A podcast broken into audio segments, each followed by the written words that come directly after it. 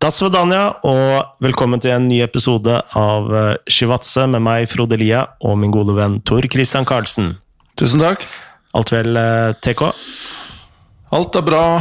Um, det har uh, Det er godt at uh, det har vært fint vær. Uh, og fotballen skal i gang igjen. ting begynner å komme tilbake til normalen sakte, men sikkert. Riktig. Det er godt. Ja, det har sikkert du òg. Jeg har sett veldig mye Bundesliga i det siste. Og jeg føler etter den listen din med de 36 eh, beste spillerne under 21 år, hvor du hadde Kai Havertz eh, ganske langt oppe, så har han jo tatt fullstendig av. Ja. Nå er han liksom uh, aktuell for Real Madrid og Bayern München og Det er ikke måte på? Nei, han uh, har jo slått masse rekorder og har han ikke det? Um, yngste ditt og yngste datt. Um, og vi snakka vel om det i forrige episoden, at han burde kanskje ha vært litt høyere. Mm. Selv om den topp tre der var vel vanskelig å bryte gjennom, men uh, for en spiller. Ja, fantastisk. Og nå har han jo begynt å spille litt spiss også. Eh, og grunnen til at jeg nevner han, det er uh, altså Vi har jo snakka veldig mye om overganger og uh, prissetting av spillere. Hvis en spiller kan for det første bekle to posisjoner, men kan også gå fra å spille midtbane til spiss, har det noe å si for prissetningen av en spiller? Eller har ikke det noe å si? Eh, det er vel eh, kanskje på eh, Altså i tradisjonell forstand så tror jeg ikke det at det har så veldig mye å si, fordi du kjøper på en måte Ok, du får kanskje to spillere igjen, men mm. han kan jo bare spille én rolle han, uh, i en kamp. Er, du må ha ti andre spillere rundt. Så det er jo ikke sånn at du må ha ni, ni andre rundt, eh, hvis det gir mening. Mm. Men jeg tror kanskje de som bruker forskjellige modeller på dataanalyse, Riktig. så vil nok eh, kanskje altså modeller for å finne riktig prisnivå og måle det opp mot andre osv., så, videre, så er nok det med flerbrukshet, eh, anvendelighet, en faktor i de modellene mm. som vil gjøre at man scorer litt høyere. Vi har jo fått et uh, spørsmål som handler om uh, akkurat det der. Uh, og han spør scouting i koronatid. I og med at en scout ikke får reist like mye rundt og fått observert spillere på nært hold, og da må forholde seg i større grad til scoutingprogram, hva har det å si for anbefalingene scoutene kommer med? Vil det kunne gjøres en like grundig jobb? ja. Um, jeg har faktisk skrevet en sak om det her for ISBN. Og hvis alt går etter planen, så kommer den på trykk slutten av uka eller begynnelsen av neste uke. Eh, eller muligens litt seinere. Kan jeg bare si en ting? Eh, det spørsmålet kom fra Tom André Sande. Ja. Eh, gammel kjenning. Ja. Jeg eh, Altså, det her kommer nok an på hvor i systemet du befinner deg som, eh, som, som klubb. Eh, på toppnivå eh, Igjen så har jeg vært og snakka med Eller ikke vært, jeg sitter jo her i Oslo, men eh, jeg har telefon og internett, så jeg får eh, kommunisert over landegrenser, da. og jeg har snakka med folk fra store klubber til mindre. Uh, de fleste har klart seg ganske greit, eh, og det henger nok sammen med at eh, de spillerne som man har på eh, shortlist for sommeren, allerede var etablert i begynnelsen av mars, ja. da epidemien, pandemien, begynte å, å spre seg. Um, så uh, har det dukket så har det dukka opp en del uh, utfordringer. Uh, fra de aller uh, mest fremtredende klubbene så har det vært en, liksom, en, faktor at de ikke har fått sett spillerne de i de siste avgjørende rundene av Europa League og første omgang Champions League.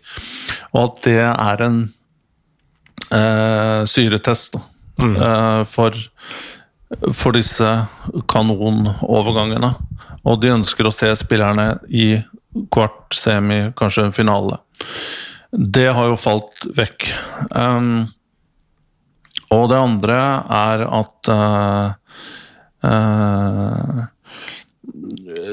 At uh, man ikke har fått ja, man ikke har fått det sammenligningsgrunnlaget. Det har også vært en, en, runde der med landskamper, et par landskamper som falt fra. Som alltid inngår i, i, i scouting-dagboka. Uh, jeg tror vel utfordringene utfordringen er størst på, på en måte lavere nivå, der du eh, Ja, budsjettene ikke er klare.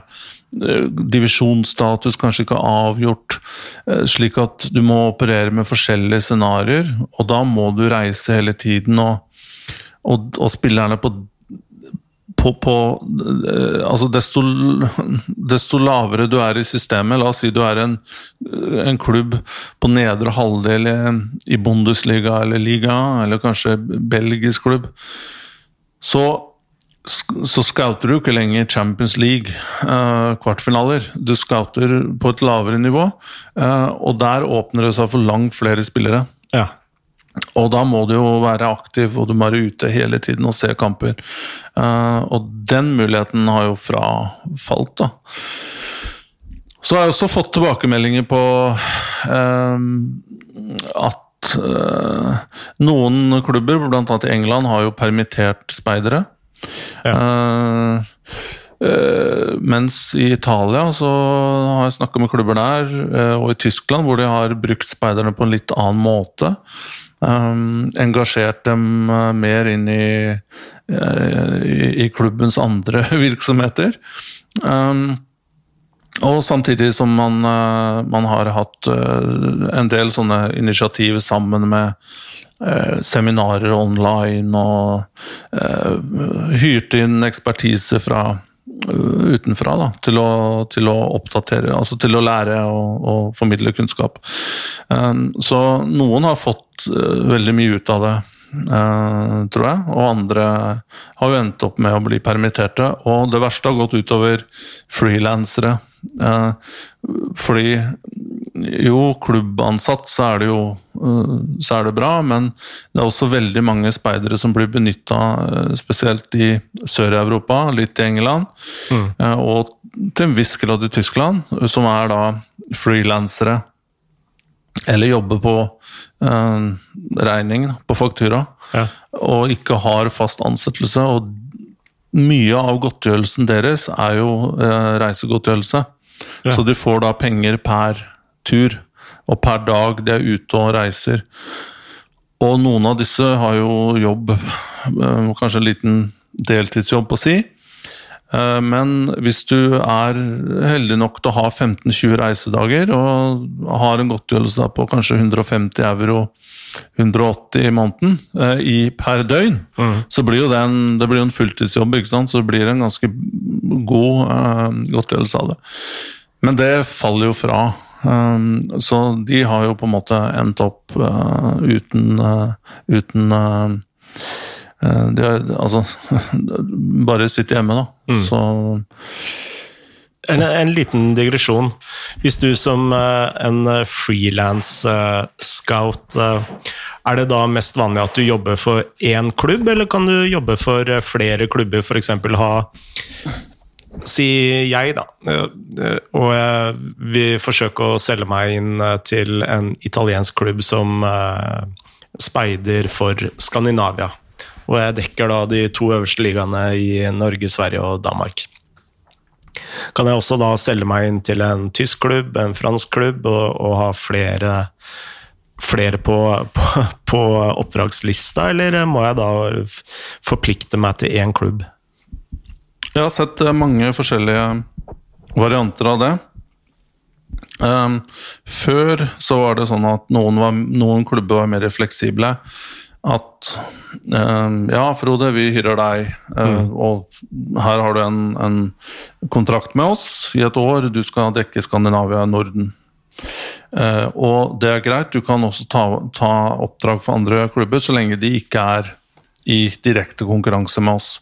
Så la oss si at det er Bayern München da, som, som eh, vil ha deg. Eh, og da vil de på en måte lage en embargo på klubber A som de er i konkurranse med. Men om f.eks. en uh, liten Serie A-klubb, nyopprykka det er Spall, så tror jeg ikke så, så tror jeg Bayern hadde på en måte akseptert det. Ja. Og dette handler jo også om, eh, om eh, penger. Altså hvis du hyrer noen på en 20-30% frilanskontrakt, så kan du heller ikke forvente full eksklusivitet. Nei. Eh, men det er vel sånn hvis måneds eh, eh, betalingen kommer over en viss sum, så regner man at det er 80-100 og da forventer man jo eksklusivitet. Ja. Av nysgjerrighet, ikke at jeg har lyst til å bli, bli speider, men uh, en agent for eksempel, han uh, ligger gjerne et sted mellom 10-5 av en overgang, ikke sant? Du sa Ja. det, ja. Men uh, hva, hva tjener en, en speider? Det varierer veldig. Eh, Det er fra de som Altså hvis du starter med speiding på barn og ungdom, eh, så er det jo nesten for kjærligheten til fotball. da. Ja. Eller hjelpe klubben, eller at du kjenner treneren til laget, eller så du, du gjør det litt av eh, Eller mest av goodwill. Um, men hvis du går oppover, så er det klart at uh, hvis du er en etablert For F.eks. Italia, så ligger det vel sånn på um, Frilansere kan kanskje tjene ja, et sted mellom 2500 3500 euro i måneden. Eh, noe rundt der. Og så er det noen bonuser sånn som kicker inn hvis, hvis spilleren du har flagga opp, blir, eh, blir bra. Um, og at det er forskjellige på en måte Etter ti, debuten på A-laget, 20 kamper Hvis han blir solgt, er det noen, noen tusen der. Ja. Um, så det er jo suksess. Suksesshonoraret. Ja, også her. Um, men det er, eh, det, det er ikke et Som vanlig speider, det er ikke et spesielt godt betalt yrke. Nei. Eh, Da vil jeg si at kanskje i Tyskland eh, betaler man en normal Som fast ansatt så får du en god, normal lønn. da. Mm. Men eh, det er ikke Det er jo det er heller ingen faste takster. Så det kan jo alt være fra en som får kjøregodtgjørelse til tjener en, en, en 30-40 norske tusen da, i måneden. Eh, Men nå, scoutingprogram begyn- begynner vel kanskje også å ta over en del av jobbene til scouter, eller blir det en feil måte å se det på? Fordi klubber må jo se igjennom disse kampene uansett, så de trenger jo trenger jo mest sannsynlig eh, manpower til å liksom rett og slett se. eh, For det spiller jo ikke noen rolle om du ser, ser det på en skjerm, eller om du ser det live, på en måte. Du vil jo se det live. Eh, Det gir deg jo mange flere clues enn akkurat det som fanges opp av linsa der og da. Um, så jeg er av den oppfatning at eh, at øyet Vi har snakka om det før her i Shivatsa, at øyet og den erfaringen og informasjonen og sammenlignes referansene av grunnlaget som du har, eh, det kan ikke en datamaskin eller en, altså en PC eller algoritme liksom du, klarer ikke helt å fange opp det så det blir autentisk. Nei. Og så skjønner jeg veldig godt at Og det syns jeg faktisk er en veldig stor ulempe. At det har blitt en sånn krig, en sånn kulturkrig, mellom old school scouting mm. øye som ser, face value, eh, og disse analytics-folka. Ja. Det er liksom Enten så er du der, eller så er du der. Ja, Veldig få i midten, ja. Ja, og det er jo som alle andre ting. At stort sett så ligger fornuften og den veien du skal gå, den ligger omtrent i midten. Ja. Eller kanskje et lite knepp til høyre eller venstre. Men den er aldri helt ute på ytterste flankene. Og der har du, Dette handler jo mer om usikkerhet enn noe annet. Du har disse folka som er old school scouts. Som gjerne kommer fra eks-spillere, eks-trenere, som verner om sitt domene. da. At liksom, jeg har spilt, jeg har trent, jeg har sett 10 000 kamper. eh, Så dette her kan jeg bedre enn alle andre. Og jeg er etablert. Final. Og så har du disse andre som ikke har noe å vise til innenfor fotball, men kan alt om tall og matematiske analytiske hjerner.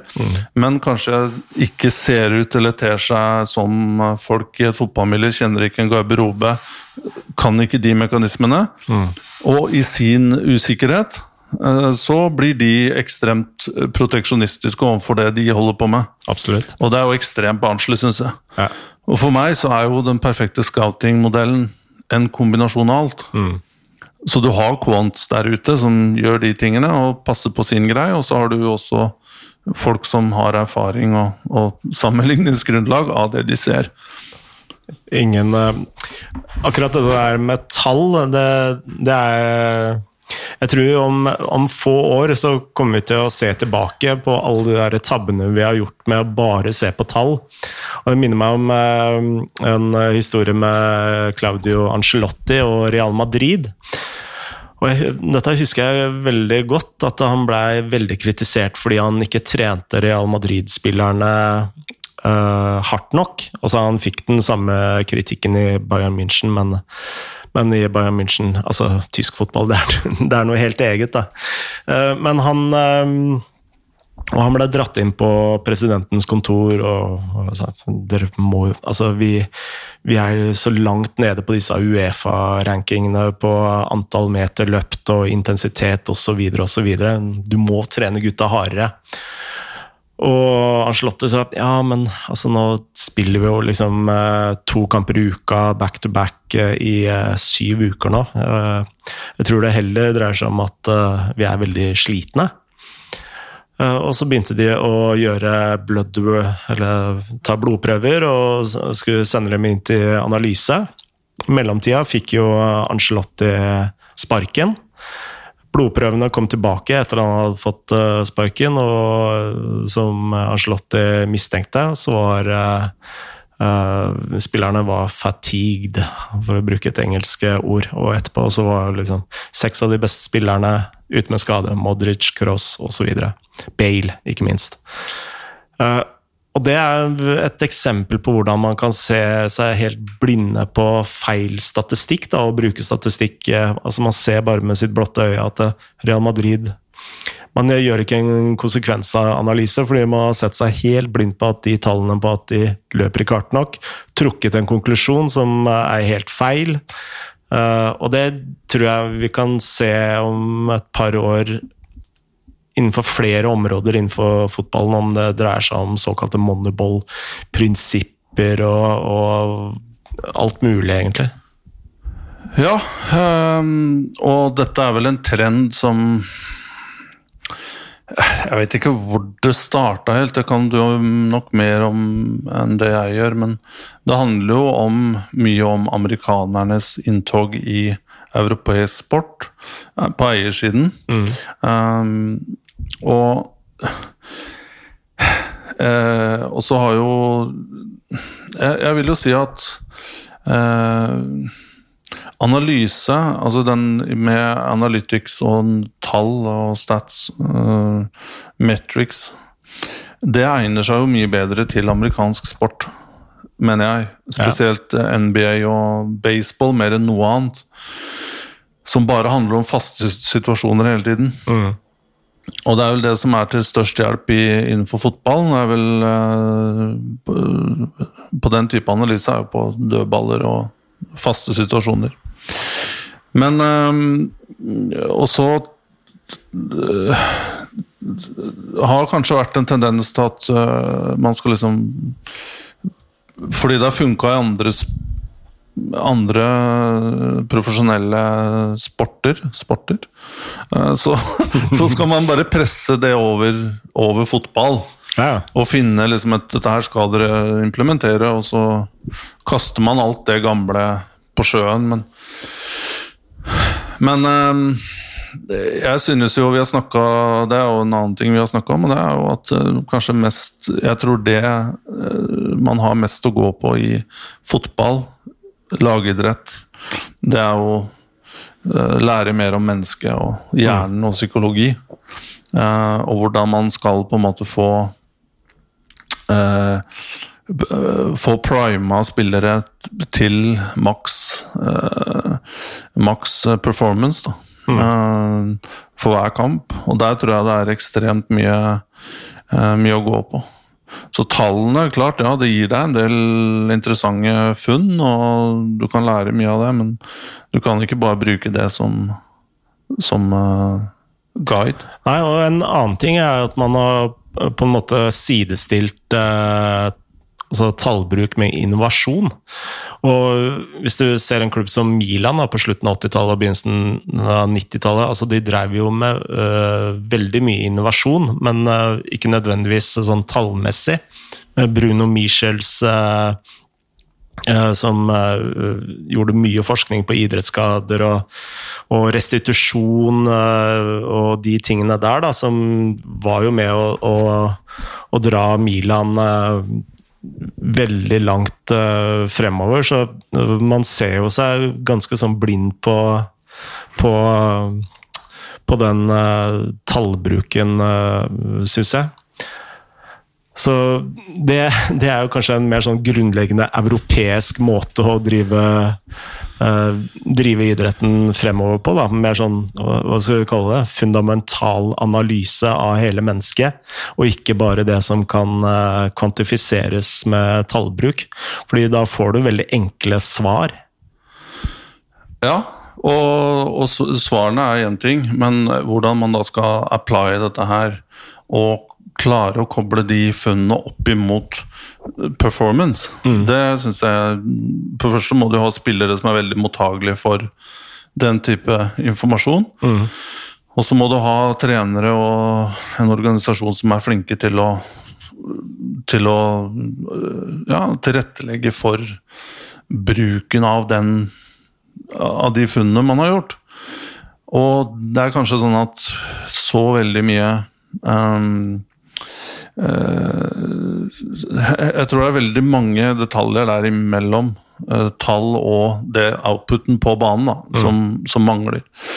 Eh, og så er det jo igjen gammelt tema, men Og så sier man ja, men Liverpool har brukt moneyball og ditt og datt, men men Liverpool hadde ikke vunnet Champions League og Premier League i år uten Jørgen Klopp. Nei. Det er ikke sikkert de hadde vært i topp tre. Um, og det er veldig mange andre som så potensial i Roberto Firmino. Det er mange som så potensial i Salah. Han var i Chelsea, tross alt. Han var i Roma. Spilte bra. Fiorentina.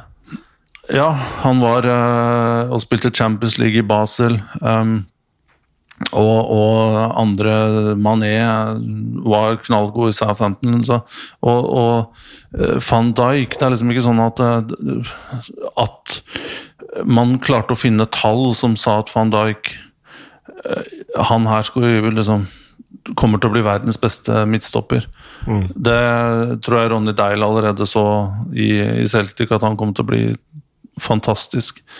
Eh, så man, man har en tendens, syns jeg, og det er mye sånn Etter mitt syn eh, mye Mange av disse Twitter-journalistene, særlig i England, som henger seg på dette her av grunn, mye av grunnen til at de ikke har på en måte kommer fra tradisjonell innsikt, um, og intellektualiserer da det elementet med med, med, med, tall og analyse, metrics og så, og så videre.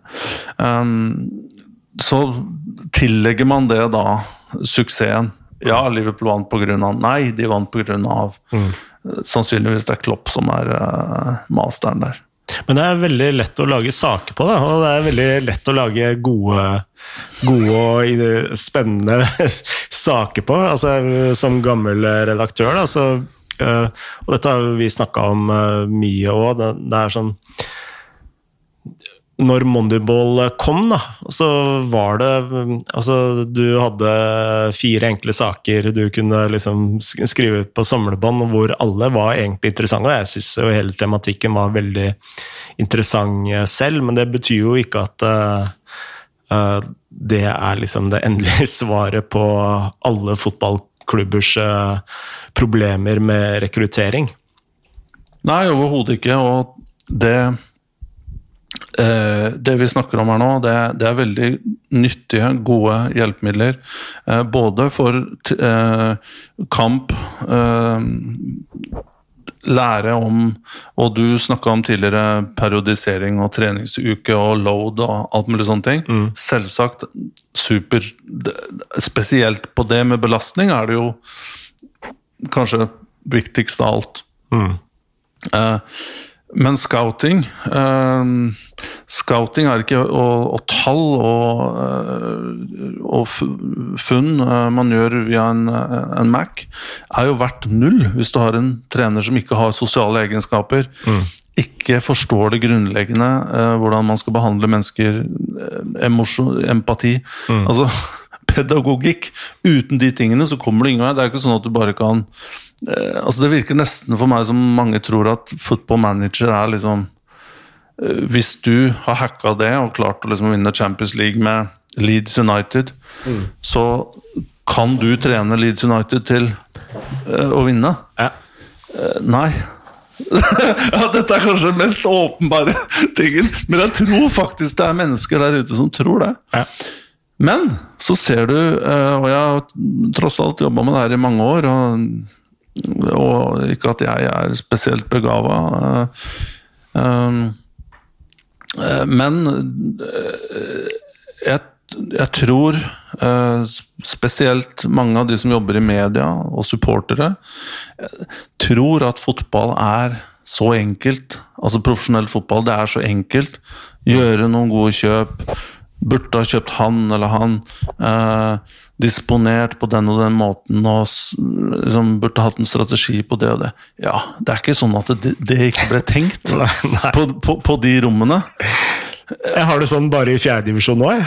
Så... Ja, men, men, det virker jo som at Og i sosiale medier, og jeg forstår at um, at det som gjør fotballen også fantastisk, det er jo engasjementet. Ja. Og at folk kan sitte og føle så sterkt for det at man mener ting som er ganske irrasjonelle. Men jeg kan jo garantere deg at det jeg mener La oss mm. bruke dette her, la oss snu på det. Så de meningene jeg måtte ha om Liverpool, de meningene jeg måtte ha om, øh, om øh, Real Madrid mm. jeg, Ut fra den informasjonen som jeg har Det er ikke en tanke som jeg har hatt som ikke de har tenkt. Nei. Og det er, det er basert på det jeg har tilgang til. Mm. Om det er laguttak, om det er scouting, om det er metodikk, strategier. Alt det har de menneskene tenkt på. Mm. Men av forskjellige omstendigheter så har de gjort det på andre måter. Mm. For det er noe som heter politikk, og det er noe som heter realpolitikk. Og det handler om at du kan ha den mest logiske og smarte eh, hjernen i hele verden. Mm. Men det betyr ikke at du får lov å ta alle beslutningene. Nei. For det er andre som også skal Det er penger, det er uh, makt, og det er uh, Det er politikk. Mm. Og det politiske elementet i fotballen, det er så ekstremt viktig at det er de menneskene som er flinkest til å Jeg tror finne sin egen vei Litt som Carlo Angelotti. Jeg syns det er meget godt at du trekker fram han, for han er den ultimate diplomaten. Mm. Og han tror jeg går inn i et møte med liksom Hvis jeg får 70% av det jeg eh, har i bakhodet her nå, mm. så, har jeg, så, har jeg, hatt et godt møte. Absolutt. Noe her må Det er gi og ta. Mm. Og Og så er det jo den der tradisjonelle, fantastiske skillen som de beste menneskekjennerne har. Det er jo at eh, du, når du er i et rom med presidenter og beslutningstagere og sånn, du kan ha ideen, men det er de som må tro at Det er de som har ideene. ja. Er Og at de har tatt beslutningen og hatt ideen. Ja. Det er mantraet til Angelotti. Og da må du bare legge egoet ditt, gjem det så langt bort du kan, og bare være fornøyd om eh, at, at, at du får det på den måten du vil. Hvem som på en måte eh, Hvem som får æren etterpå, blås i det. Det viktigste er resultatene og vinne kamper. Det er jo det veldig mange spillere sier om Ancelotti, f.eks. John Terry og Frank Lampard. Det er jo liksom måten han eh, beskytta spillerne fra eiere og presidenter og, og sånt. Eh, de, og det var en av de tingene som fikk de til å liksom prestere hakket bedre, for de følte en slags trygghet da, til, eh, til at eh, han som tar ut laguttaket, altså han stoler på dere, og han beskytter oss. Og da, ikke bare mot presse og sånt, men oppover i hier hierarkiet. Og det vers, altså et av de verste eks- eksemplene jeg så nå, det var jo han Napoli-eieren som gikk inn i Napoli-garderoben. altså Det var, vel lekka et eh, lite sånn videoklipp hvor han hudfletter eh, Det må jo liksom være skrekken på å lage dårlig stemning, lage dårlig ja, jeg, ja, jeg, det er jo også slått meg at det, øh, trenerrollen er kanskje veldig endring. Ja, eh, i hvert fall på det Eller kanskje ikke endring, for sånn har det nok vært eh, i, i, i visse land i lang tid. Um, men det er to ting jeg har lyst til å, å, å gå inn på her, som du, som du starta på, Frode. Uh, Første er jo uh, Eller det henger jo sammen. Uh, jeg tror den siden eh, den diplomatsiden, det tror jeg er noe du må lære the hard way. Altså hvis ikke du, hvis ikke du har det uh, i deg som og, og jeg tror veldig mange unge, dyktige trenere taper uh, eller mislykkes nettopp pga. den manglende evnen til å navigere seg politisk. Og jeg husker også selv da, fra min egen karriere og Nå høres det ut som jeg er pensjonert, og det jeg håper ikke jeg er det ennå, men eh, eh, jeg, jeg, jeg merker sånn når du er i 30-åra, du er sånn begynnelsen av 30-åra kanskje, eh, og du vil, du vil gjøre- alt, du skal få til alt på en gang, og du skal sette ut alle ideene som du har, ut med en gang. utålmodig. Og sånn tror jeg det er litt med, med, med trenere òg, at du liksom Du er så eager til å imponere og overbevise. Og ja, bevise også overfor deg selv. Det handler ikke bare om ego, men mye av det er ego. Men etter noen skuffelser og nedturer så blir det der banka ut av deg. Sakte, men sikkert. Og så lærer du at for å lykkes så handler mye om måten du eh, leser situasjoner på, leser andre mennesker. Hvem er det du kan dra så langt?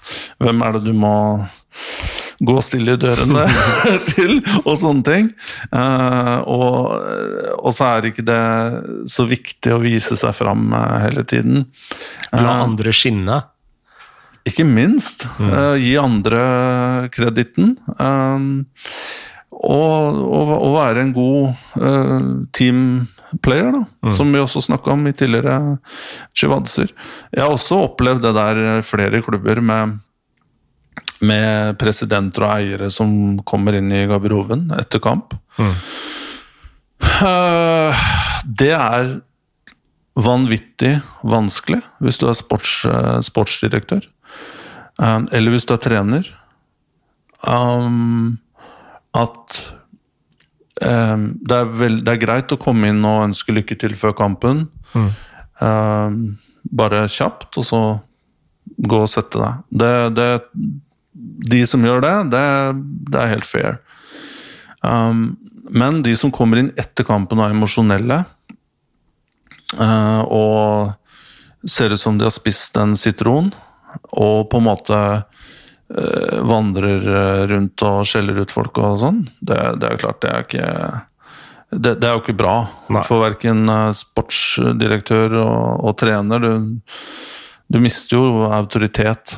Eh, og ja, og, og samtidig så Det er jo Hva tenker treneren? Altså, er jeg trygg? Oi, dette her har gått inn på eieren. Hva skjer nå? Og spillerne ser det og ser kanskje litt Du skal være en veldig sterk trener for å på en måte eh, ikke la deg bli affektert. affektert av det showet der. Og det skjer veldig ofte. Italia er eh, er det jo eh, veldig utbredt. eh. Men det er en jeg jobba for. Jeg vil ikke si navnet, men folk kan kanskje gjette seg fram til det. Men da jeg kom til klubben, så sa folk Du, han er veldig Dette om, om min sjef, som var da presidenten. og og folk sa til meg, du, han er verdens beste type. Hyggelig og um, Og godt menneske. Og, men du må aldri snakke med han på kampdag. Ikke før eller etter kampen. Så du kan si hei og bare snakke om vær og vind, uh, men ikke snakk om liksom, fotball. Ikke, ikke svar tilbake på noe. Og det var et godt råd. Men jeg lærte veldig hard way. eh, og tenkte jo at eh, dette her kan ikke være så ille som folk eh, skal ha det til. Det, så man, endte vel opp i noen munnhuggerier. Jeg ble veldig overraska over hvor vulkanisk den, det sinnet der var, da. Og det for meg var en ny situasjon. Hvordan skal jeg håndtere han liksom, Hvordan skal vi håndtere hele den settingen her? Uh, og mm, hvordan er liksom det hierarkiet her når sjefen som vi alle, presidenten som vi alle skal se opp til, uh, og som er høyt ansett, uh, når han ikke klarer å dy seg, så Hva gjør det med hele dynamikken nedover pyramiden her, da? Eh, så det var Det var, det var spesielt. Um, I Frankrike så er det jo et prinsipp forresten om at eh, sportsdirektører skal ikke eh, ikke gå i garderoben etter en seier. Eller eiere. eh, unless de da betaler dobbel bonus. Så, og da roper spillerne 'doble, doble', eh, og forventer da en uh, Så hvis uh, eieren eller presidenten kommer inn, så øker eh, bonusene Ja. doble, Og du må i hvert fall forvente at det- det blir ropt om, om mer penger. Og det, blir, det er en tradisjon da for at du, at du betaler de pengene. For det er noe med at du skal ikke på en måte bare komme og sole deg i glansen og, og ta del i den, det kollektivet der fordi det har gått bra. Ja. Og det er tross alt spillerne utpå der som har gjort den jobben. Eh, og hvis du da skal være med på det, så får du, får du betale litt ekstra for det. Pep Guardiola innførte det i Barcelona, faktisk. At uh, verken han eller andre skulle inn i garderoben. Altså det var fem minutters uh, peptalk før kamp. Bokstavelig talt. Ja. Non pun eh, intended. Uh, og det var det. Ellers så gikk han ikke inn i uh, garderoben. Så jeg har forstått at det er litt annerledes i Manchester City, men eh, Ja, altså det, det er jo litt spesielt. det, det der er jo ehm, Altså, etterpåklokskap er jo absolutt uh, en veldig uh, unyttig Både nyttig og unyttig. Du, du får jo ikke skrudd eh, klokka tilbake, men det å vite akkurat vil, hvordan man skal trigge spillere før kamp, hva man skal si i pausa Der har jeg jo veldig stor sympati med trenere. Det kan ikke være enkelt. Uh, å vite hvordan motiverer jeg Ok, én ting er enkeltspillere. Du kan vite hvor jeg har han og han og han. Han liker å liksom gjøre sin egen greie og ikke snakke til han før kampen. Han er superproff. Eh, Han trenger bygges opp. Han der må roe seg ned, han, er, han koker det litt for nå.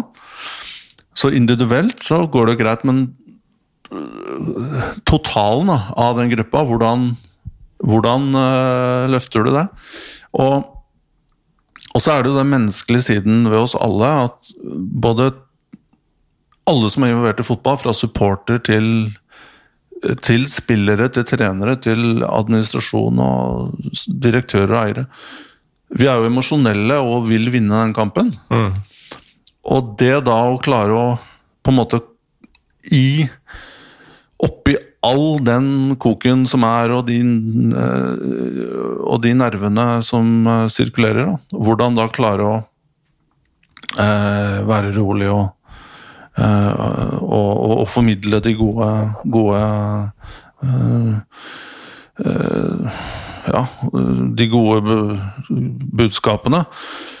Og der syns jeg jo kanskje i dag at trenere har blitt veldig dyktige til å forstå den verdien av, av å formidle kunnskap. Mm. Og kunne formidle gode eh, ja, god informasjon da, mm. før kamp og i pausa. Sånn at det ikke bare blir peptalk, eh, eh, emosjonelt prat. Ja.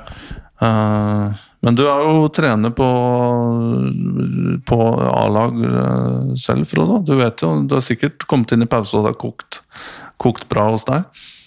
Jeg koker mest på dommeren, jeg. Det er mitt, eh, mitt fokus. Så du koker på dommeren, skjeller ut han, og så klarer du å være rolig når du kommer inn i garderoben? Pausa? Ligger ja, under trener? Ja, ja, i garderoben så er jeg stort sett ganske rolig. Så um, Altså, det er jo rart altså du, du, er, Som trener da, så er du enten i to modus. Enten er du analytisk, altså du prøver å liksom Eller så øh, er du så spent at du er totalt hjerne, hjerneslutning. Altså, du blir passiv, rett og slett? Nei, da er jeg oppe og skriker, men det er stort sett dommeren som uh, Og da er jeg sånn, når kampen er over da, så hater jeg meg sjøl nesten en uke i flauhet. fordi jeg ser jo selv hvor ufattelig dumt det er. Og, og ikke minst så er det jo sånn at i det momentet du mister hodet, da, og du ikke klarer å fokusere på det du gjør, så er det alltid at det, kanskje et grep du ikke gjør som du burde ha gjort uh, altså, Da kommer alle de der etterpåklokskapene inn. da. Så det å liksom uh, kunne være rolig og liksom Drillo har faktisk et problem Nei, ikke problem, men et poeng, da. Når han sa det at det å liksom stå på sidelinja og sånn, og skrike og sånn Ja, altså, det kan hende at uh, du liksom gir noe energi til, uh, til spillerne og, videre, men du taper noe òg, da.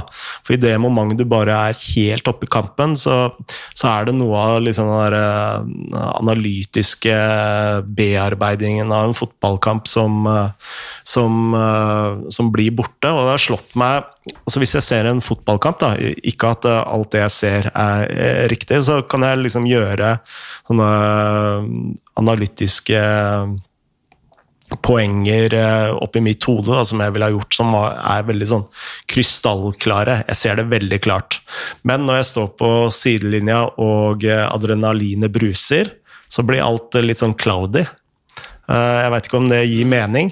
Ja, uh, og det er jo tilbake til det berømmelige Mark Tyson-sitatet, at alle har en strategi helt til de blir slått i trynet. Og sånn er det litt å stå på sidelinja som trener òg. Og jo større grad du klarer å forholde deg rolig og, og liksom komme med noe vettig, vettig å si, da, uh, jo bedre er det. En annen sånn typisk tabbe, uh, som jeg også ser på det høyeste nivået, det er uh, når du står på sidelinja og du gir mange beskjeder. Mm.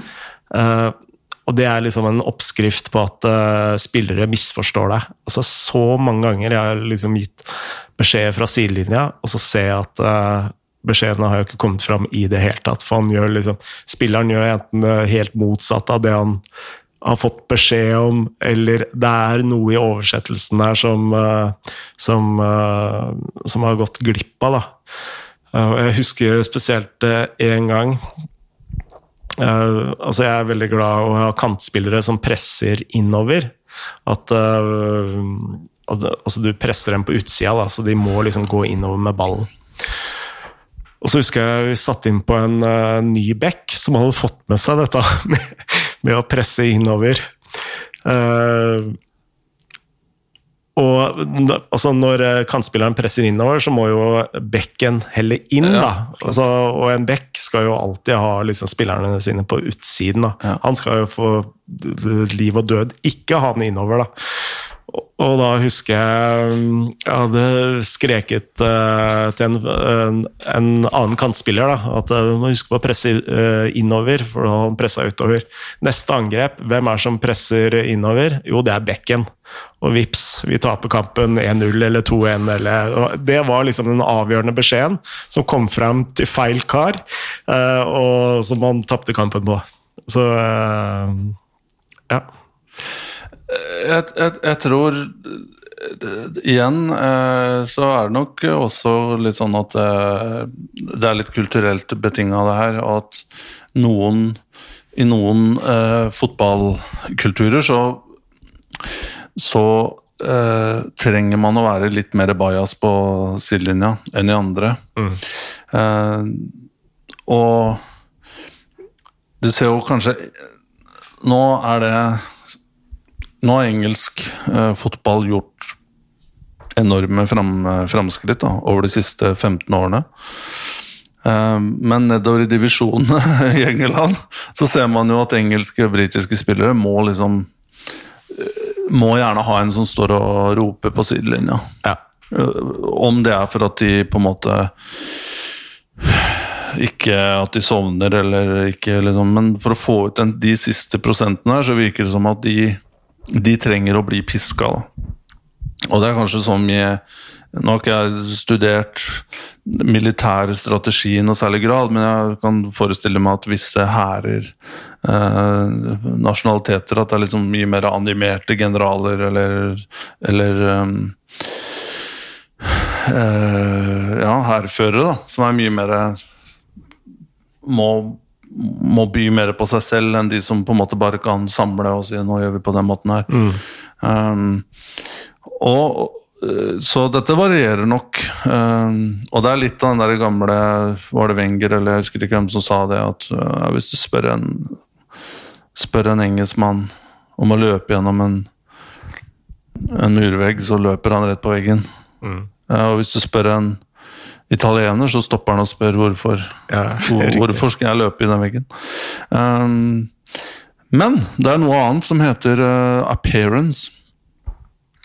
Og det uh, kompliserer dette her uh, unødvendig mye, fordi én ting er den dimensjonen som du uh, snakka om, det der med å kunne formidle stille og rolig, uh, at du har pedagogikken din. Uh, i orden. Og at du selv, kanskje som trener, har funnet den riktige måten å formidle kunnskap til spillerne på, og det er en, på en måte en, en, en rolig eh, framferd. Men så har du hva, hva, supporterne forventer av deg, og hva media forventer av deg. Og da, da handler det om body language, da handler det om eh, det signalet du sender ut da, mm. fra når du står på sidelinja i en, i en toppligakamp Om det er Eliteserien i Norge eller om det er i Premier League i England, så er det Så blir du analysert. Mm. Uh, hvordan ser uh, Oi, nå synker skuldrene på han. Uh, Avram Grant ble jo liksom Han ble jo aldri dømt på Uh, uh, faget han kunne. Ingen var så interessert i det. Folk var bare interessert i at han på en måte var rar på mm. sidelinja. Uh, og apropos Avram Grant, det er rart at han er kanskje den mest sjarmerende folka som ja, menn som jeg har truffet, som er en sånn utrolig karismatisk person. Mm. Uh, og mange fortalte meg også fra Makabi Haifa, han var trener der tidlig på 2000-tallet, tror jeg, før han dro til England, at han var veldig sjelden ute på treningsfeltet. Uh, eller i hvert fall liksom Men han sparte mye av sin presence da, til riktige momenter. Mm. Uh, og hadde psykologiske og menneskeskill som er helt ute av en annen verden. Mm. Og han fikk spillerne til å respondere til han. da. Ja. Um, så jeg, jeg, tror det er veldig vanskelig for trenere også. Du, liksom, du, er doomed if you do, doomed if you don't. For hvis du ikke viser engasjement, så sier også folk Ja, men han bryr seg jo ikke, han Se på han som står der nede. Liksom, folk, Supporterne vil jo ha det her, og media vil ha mm. det. Og... Så Klopp er kanskje best av begge verdener. da og Pep til en viss grad. Ja. De, de, er veldig karismatiske, de byr veldig mye på seg selv. Sier smarte ting, i hvert fall Klopp, mm. i media. Pep skjønner jeg ikke engang alltid hva han sier. Uh, uh, og samtidig fantastiske fagmenn. Mm. Så jeg tenker det er også veldig sånn situasjonsbestemt. da. Både uh, situasjonsbestemt Altså Angelotti han blir alltid ansatt uh, når man trenger å roe ned situasjonen. Uh, og så er det uh, ansetter du Conte når du trenger å få litt fyr i teltet. ikke sant? ja, meget bra. Ja, Så det er veldig sånn situasjonsbestemt òg. Men det er også veldig sånn spillerbestemt òg. Altså, hvis du har elleve spillere ute på banen, så er det noen altså Du har halvparten av spillere som liker og kanskje trenger en trener som er mer sånn skriker, gi instruksjoner. Og så har du eh, resten av laget som kanskje trenger det motsatte. Altså, og eh, jeg merker også veldig sånn hvis du kommer inn i pausen, da, f.eks., og du har tre poenger som du eh, skal komme med, og så er det kanskje to-tre spillere som rett og slett ikke har gjort jobben sin. Og så er det sånn Måten du forteller de tre spillerne som ikke har gjort jobben sin, Uh, altså, da må du kanskje velge tre ulike strategier som funker på de tre uh, spillerne. Mm. Kanskje ene spilleren er den, han type som bare liksom, du må klistre til veggen. Og så er den andre hvor du kanskje er mer typen hvor du faktisk må snakke rolig. Du må snakke ekstra sakte fordi at han skal forstå deg. Han har bare bodd i Norge i to år. Eh, og hvis noen skriker til deg, så er det et tegn på misrespekt. Mm. Og så har du eh, kanskje en uh, høyrebrekk fra Sørumsand som eh, ikke forstår eh, Norsk? Nei, ja, forstår, men ikke forstår eh, poengene dine, så du liksom bare må liksom ta det ta det sakte og Klisjé på romeriking her nå? Nei, det, det, og jeg skal ikke ut på en ny sånn gravemaskinskjør fra Bjørkelangen. Poenget mitt er at du man må liksom kunne pakke inn samme beskjed på tre ulike måter da, for å treffe det best, best mulig. Men én ting som jeg, uh, som jeg tror ganske bestemt, det er jo uh, Altså, du har jo de såkalte skrikertrenerne som han Øyvind Kvalnes skrev en, skrev en sak om uh, her for mange, mange år siden. og at altså, ren kjefting, det merker jeg, det det er mye svakere enn om du tar noen på ren fakta. Mm. Uh, hvis du på bare sånn helt direkte forteller du har ikke gjort jobben din, du, har, du løper ikke tilbake når uh, kanten din, uh, din løper tilbake. Du fulgte ikke løpet tilbake. Du gjorde det ved tre tilfeller. Hvorfor gjør du ikke jobben din? Altså, nå har du 15 minutter, eller så tar jeg deg. Det er mye sterkere enn altså Hva faen i helvete er det du holder på med?! Ikke sant? Det, det er uh, så, det var ikke noe hyggelig sist der heller, da. Nei, men det er en sånn klassiker i en norsk fotballgarderobe. Uh, ikke at jeg noensinne har, har, brukt den, altså. Men, men sånn ren fakta slår skriking syv dager i uka. Ja, og alle forstår jo hva som er uh, emosjoner, og hva som er konstruktivt. Um, tror jeg, de fleste. Um, og, og, det med å bare skrike, la emosjonene komme ut, det er jo klart det det Som du sa tidligere, du, du mister jo respekt for deg selv nå. Uh, og du mister respekt Gruppa mister respekt for deg. Og det med skriking og hoiing og utskjelling, det har jo en veldig kort Det brenner jo ut. Altså, du gjør det to, tre, fire Til slutt så bryr ikke folk så lenger. Og, og, og da har det ikke noe effekt. Eh, og Så er jeg helt enig med deg i det. Og det er mange som på en måte Kanskje sikkert mange som lurer, jeg lurer selv, på hva er den beste metoden. Jeg har snakka med noen trenere som har hatt noen sånne eh, altså knallharde runder med seg selv da, på eh, opp, egen opptreden og hvordan de selv fremstår. Og har engasjert faktisk eh, utenforstående til å analysere hvordan, de, hvordan de fremstår. Og tar film og, eh, og viser, da. Og her burde du kanskje sagt det. Og her. Det er knallhardt. Um, men det er veldig konstruktivt. Også har jeg hørt andre trenere som er veldig flinke til å snakke seg selv opp. Og ja, jeg har gått i meg selv, jeg har vært gjennom masse prosesser og eh, lært, og jeg, nå er jeg helt annerledes. De som sier det, og gjerne over eh, et par sider i midtsidene på en rosa i VG. Som da sier at jeg er en ny trener og jeg har lært av ditt og datt. Der skal bullshit-radaren ljome ja. så høyt som den bare kan. Fordi jeg tror på sånne grunnlegg... For det første så er det ikke du som skal si de tingene der. Nei. Den feedbacken skal du høre fra andre. Oi, her har jeg sett en person som Eh, Han har virkelig eh, liksom gjort fremskritt som et menneske her. Um, eh, og, og folk som snakker opp sin egen personlige utvikling, det er jo ikke en personlig utvikling. Altså, det, det er jo noe av de tingene du, du faktisk bør legge av deg hvis du skal ta uh, fremskritt som en, en tenkende individ, da, hvis det gir mening. Ja, absolutt. Men det er vel bare én ting. Nå ble det en, dette ble en veldig lang, eh, god samtale, føler jeg. Men akkurat det du nevnte med Conte og Jeg kom faktisk til å tenke på at eh, jeg leste bare i Gazetta en kort eh, sak om at Giuseppe Marotta, som er eh, administrerende direktør i Inter, gikk fra Juventus og bygde opp det store Juventus-eventyret som fortsatt pågår. Eh, Gikk vel til Inter i desember 2019, tror jeg. Halvannet år siden. Og jeg bare leste at eh, han, han var nå i ferd med å brenne ut. eh, fordi han var så sliten av presset fra kinesisk eier ja. og Conte på andre siden. På andre siden. Så han fikk aldri fred, og vurderer nå å trekke seg, visstnok. Fordi det, dette blir for mye. Oi!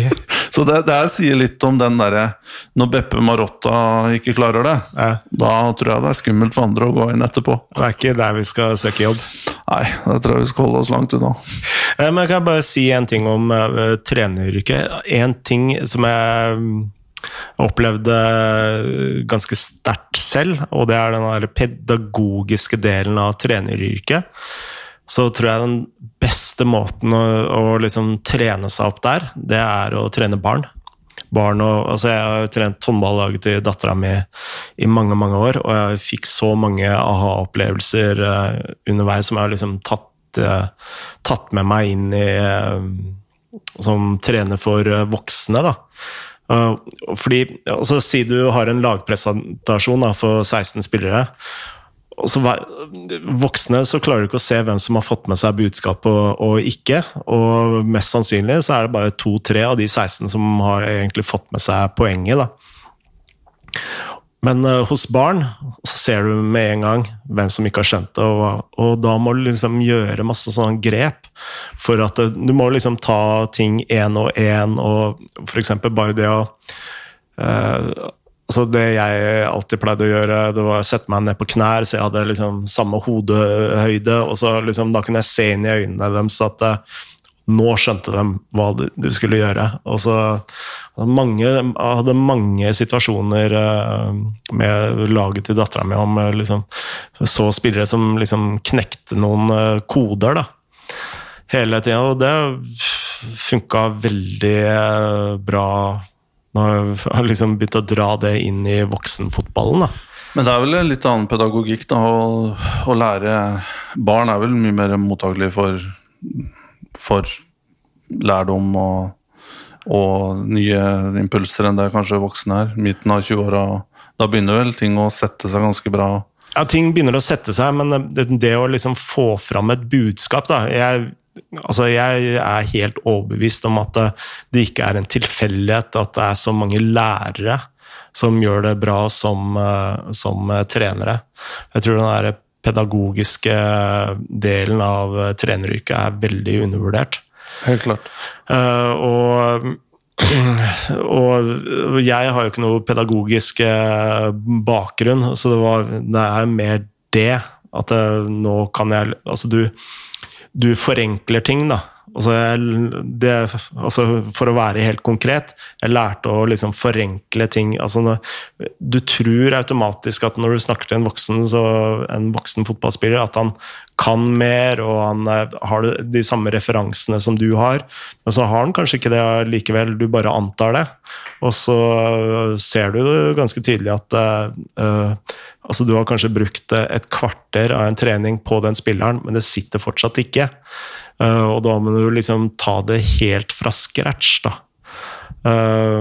Uh, og når man gjør det, så plutselig sitter det, og da funker det. Uh, så, men samtidig, utfordringen er at du liksom, i en tropp da, så har du kanskje 24-28 spillere, og så skal du gjøre det hver uke med hver eneste. ikke sant? Er, ja. jeg, jeg, tror at trener på hvilket som helst nivå, men spesielt jeg kan kun forholde meg til seniorfotball. og det er jo en grunn til at det er så vanskelig å lykkes, bare sånn for å recappe her. Eh, fordi det er så mange forskjellige, utrolig krevende aspekter som du skal kunne mestre så godt. Mm. Eh, og det, det, nytter ikke å være ekstremt Vi starta med det med football manager og ta leads til championship på en Mac. Mm. ikke ta leads til championship, det har de klart sjøl, men til Champions League-finalen, eh, mente jeg. Um, at, men um, det Du kan være utrolig dyktig faglig og se de riktige tingene og og som du sier, hvis ikke du klarer å komprimere informasjonen, forstå hvordan den synker inn, og i tillegg klare å være en, en, en ressurs å klare å grave ditt eget ego eh, ned. Mm. Selv om noen trenere også lykkes med å, å, å vise det fram. Men Og i tillegg så er det Eh, det med media. Å kunne fremstå der som en person som er veldig dyktig og, og, og sterk.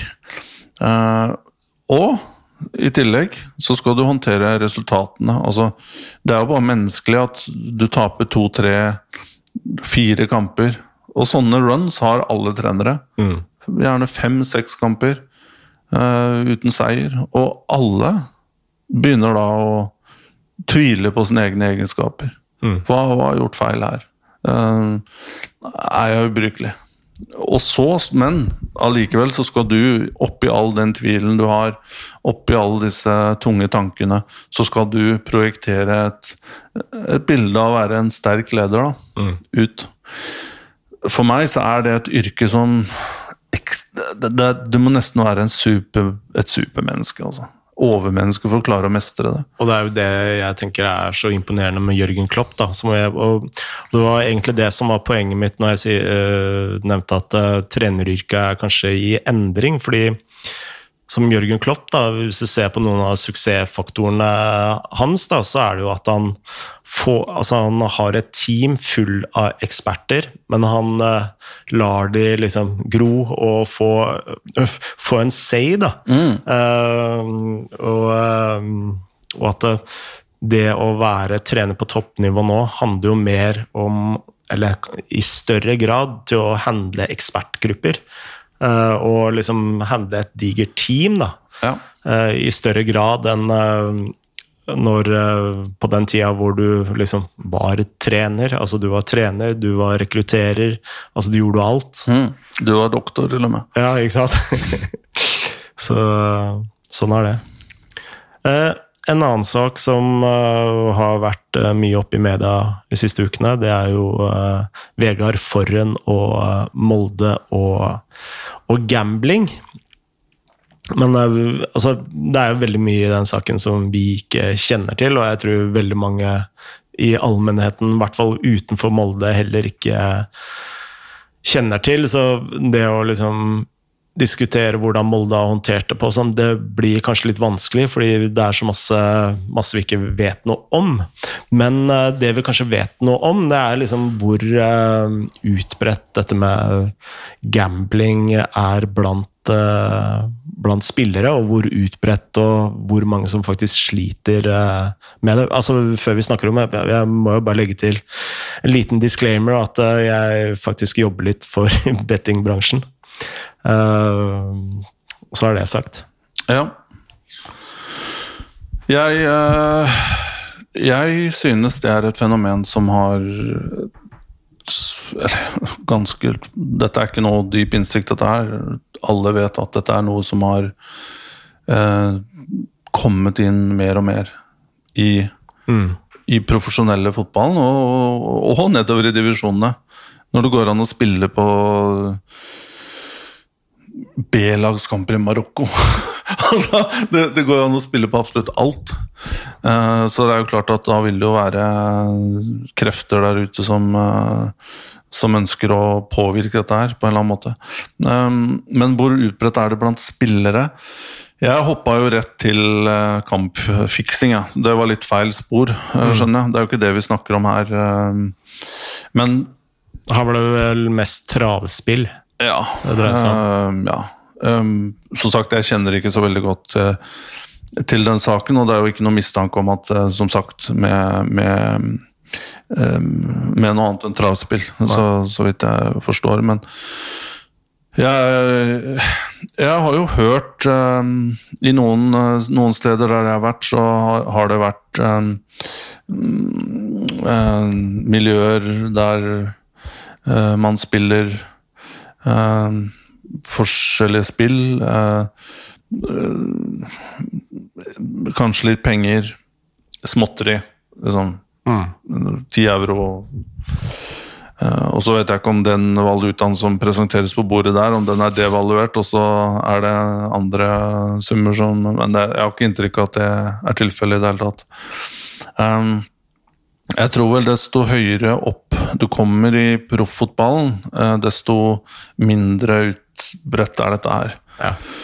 Hvis ikke det er da en noe patologi, altså at du er øh, syk mm. øh, øh, Så jeg, Hvor utbredt det er blant spillere Jeg, jeg har sett noen som jeg har spilt litt på Premier League og sånn, og så hører du i lunsjen at ja, jeg har satt det og det på, på at Liverpool skårer over tre mål i kveld, eller mm. Og så tenker du ah, du er tenåring. Hvorfor gidder du å holde på med det der? Mm. Bookmakeren, bortsett fra noen veldig kloke mennesker, så er det bookmakeren stort sett som løper av gårde med pottene. Um, og, og, og liksom er det et godt fokus. Men hvor starter du, da? Nå prater jeg som klubb på en måte leder her. Mm. Hvor starter du med den spilleren? Skal du liksom gjøre en sak ut av det? Spille litt på oddsen på Norsk Tipping? Sosial greie, kanskje? Eller er dette noe som kan eskalere og gå ut av Gå ut av alle proporsjoner, da. Så, men jeg har jeg, jeg, sa også til faktisk står til VG i fjor, eller forrige året, at eh, hvor jeg ble spurt fordi jeg hadde uh, De fant ut at jeg hadde aksjer i et selskap som uh, holdt på med spillindustri. Mm. og samtidig som jeg hadde en rolle i norsk, en norsk klubb. Mm. Og det var faktisk ikke noe jeg tenkte på der og da, men det var jo for så vidt et relevant spørsmål fra VG.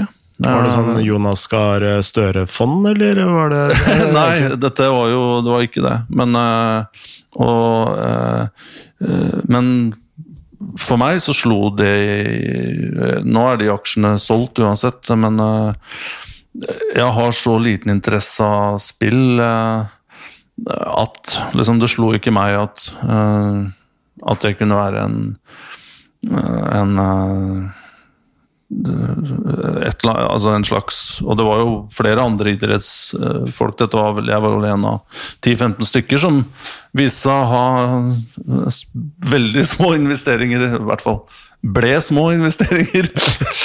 I det, så kursen har gått ned? Ja, i det selskapet. Ja. Um, så det slo ikke meg at det kunne være en konflikt der. Men, og det, det var jo ikke det, for jeg spiller jo ikke. Nei.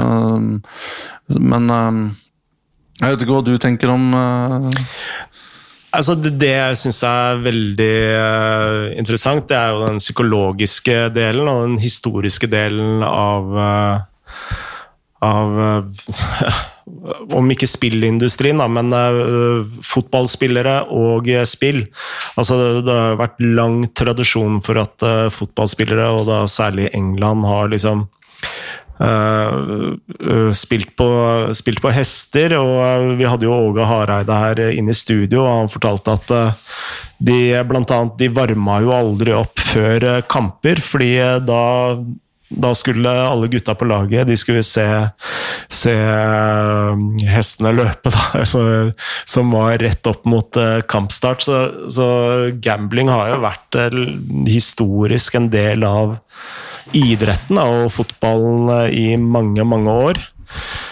Eh, og det, men det er jo noe én ting. Jeg skal ikke begynne på en sånn debatt om uh, lovlig spill og ulovlig spill og, og hele den suppa der, da, men det er jo realiteten. Det er jo at man Det er jo noe som har vært der hele tiden. Og så er jo spill er jo det som finansierer norsk idrett. Altså, norsk idrett er jo, er jo drifta på gambling.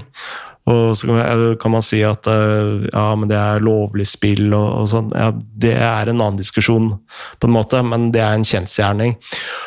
Og grunnen til at jeg nevner det, det er at eh, jeg tror en fotballspiller da, som er si 22 år, spiller en fotballkamp full av adrenalin. Og jeg syns jeg så mye av det samme i denne dokumentaren om Chicago Bulls og Michael Jordan.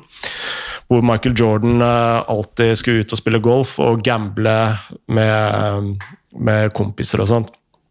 Og jeg tror at uh, folk som driver idrett, får adrenalin uh, rett inn i årene én eller to ganger i uka, er veldig eksponert uh, mot å en sånn søken etter det dopaminet flere ganger. da. At, at uh, du sitter der på mandagen, du har liksom akkurat vært igjennom en veldig spennende Premier League-kamp eller eliteseriekamp for den saks skyld.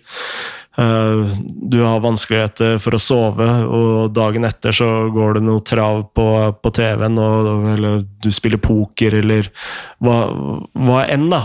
Og da, da liksom du er på søken etter et sånt dopamin, og uh, for at det dopamin skal funke, så må du bruke Altså, du må bare liksom bruke enda mer penger på, på disse hestene, eller uh, Så det er, det er, noe der, da. Det er uh, den psykologiske delen helt til, uh, helt til det tar over. Men en ting som vi ikke har snakka om, som jeg tror er like utbredt, det er jo de som også spekulerer i aksjer, for.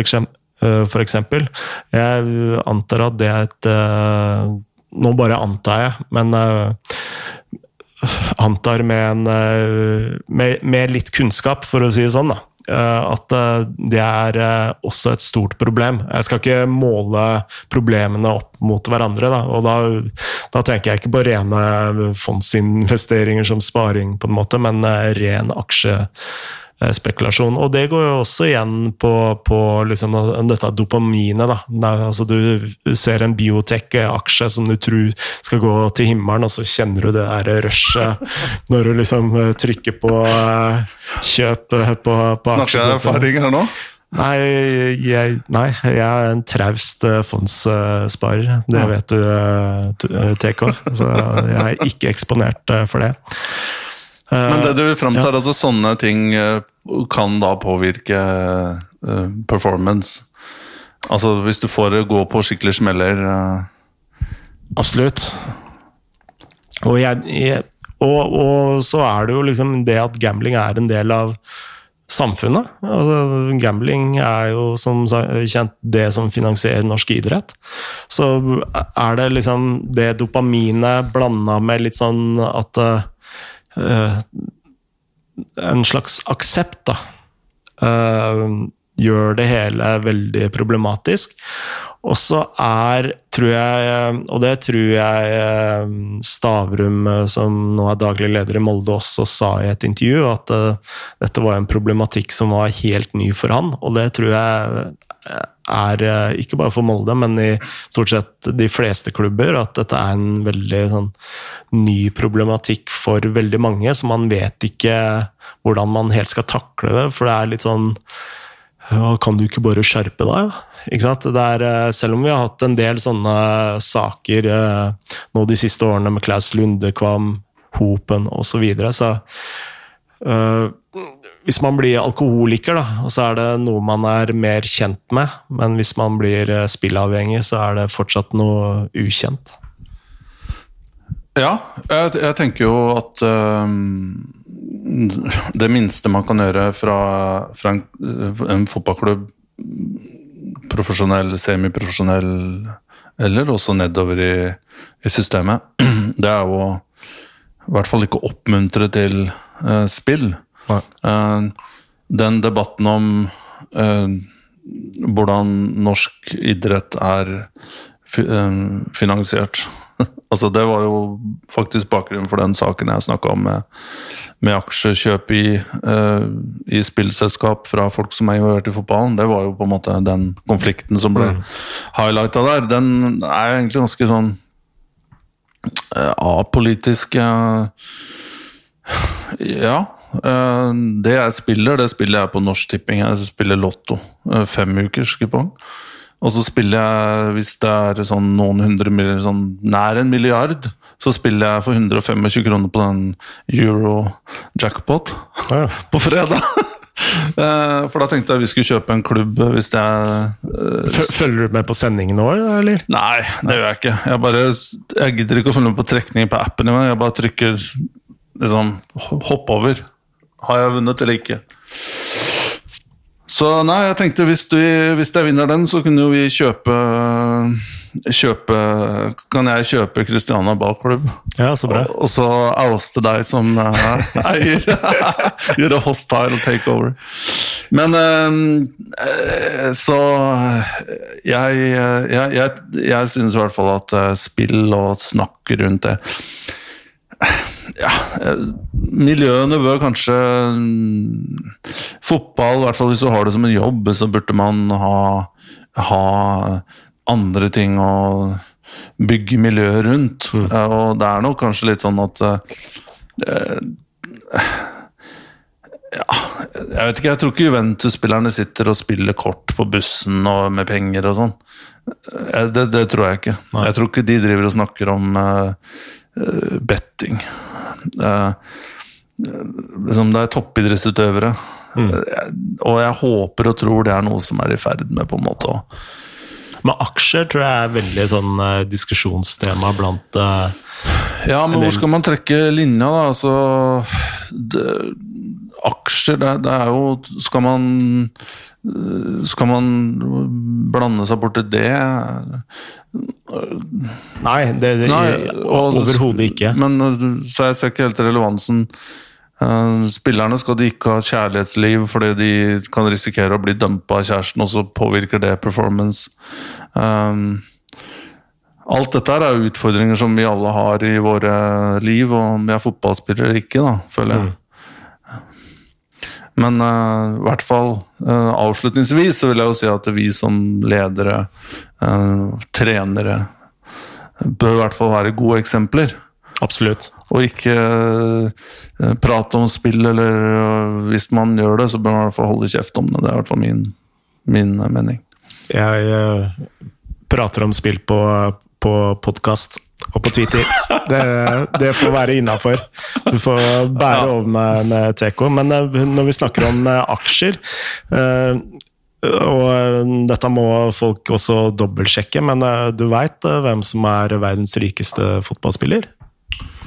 Ja, nå er det vel Cristiano Ronaldo, men hvis vi tar bort Cristiano Ronaldo Men han har tjent masse penger pga. aksjer? Ja. Investeringer. Jeg vet at Robbie Fowler og Michael Owen har tjent seg opp masse på investeringer, men det er mer Mathieu Flamini. Oi! Han uh, kjøpte seg inn i et sånn biotek, uh, fransk biotek-selskap. Wow. Ja. Han så Wolf of Wall Street og ja. tenkte det her skal jeg være med på. Så sånn er det. Hvor stor er formuen hans nå? Står det, står det, i Google? Jeg tror han passerte en milliard. Ah. Så, Kanskje han kan kjøpe Kristiania ballklubb?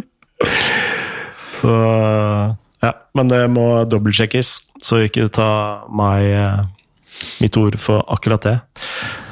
Eh, jeg lurer på om vi er i mål, jeg, Tor Christian? Tror fort vi er det nå. Ja. Nå er vi på 1 time og 20 minutter. Det er jo uh, gullnivået av oss. Da sier vi som vi alltid sier, das vedanja, og på gjenhør. Moderne media.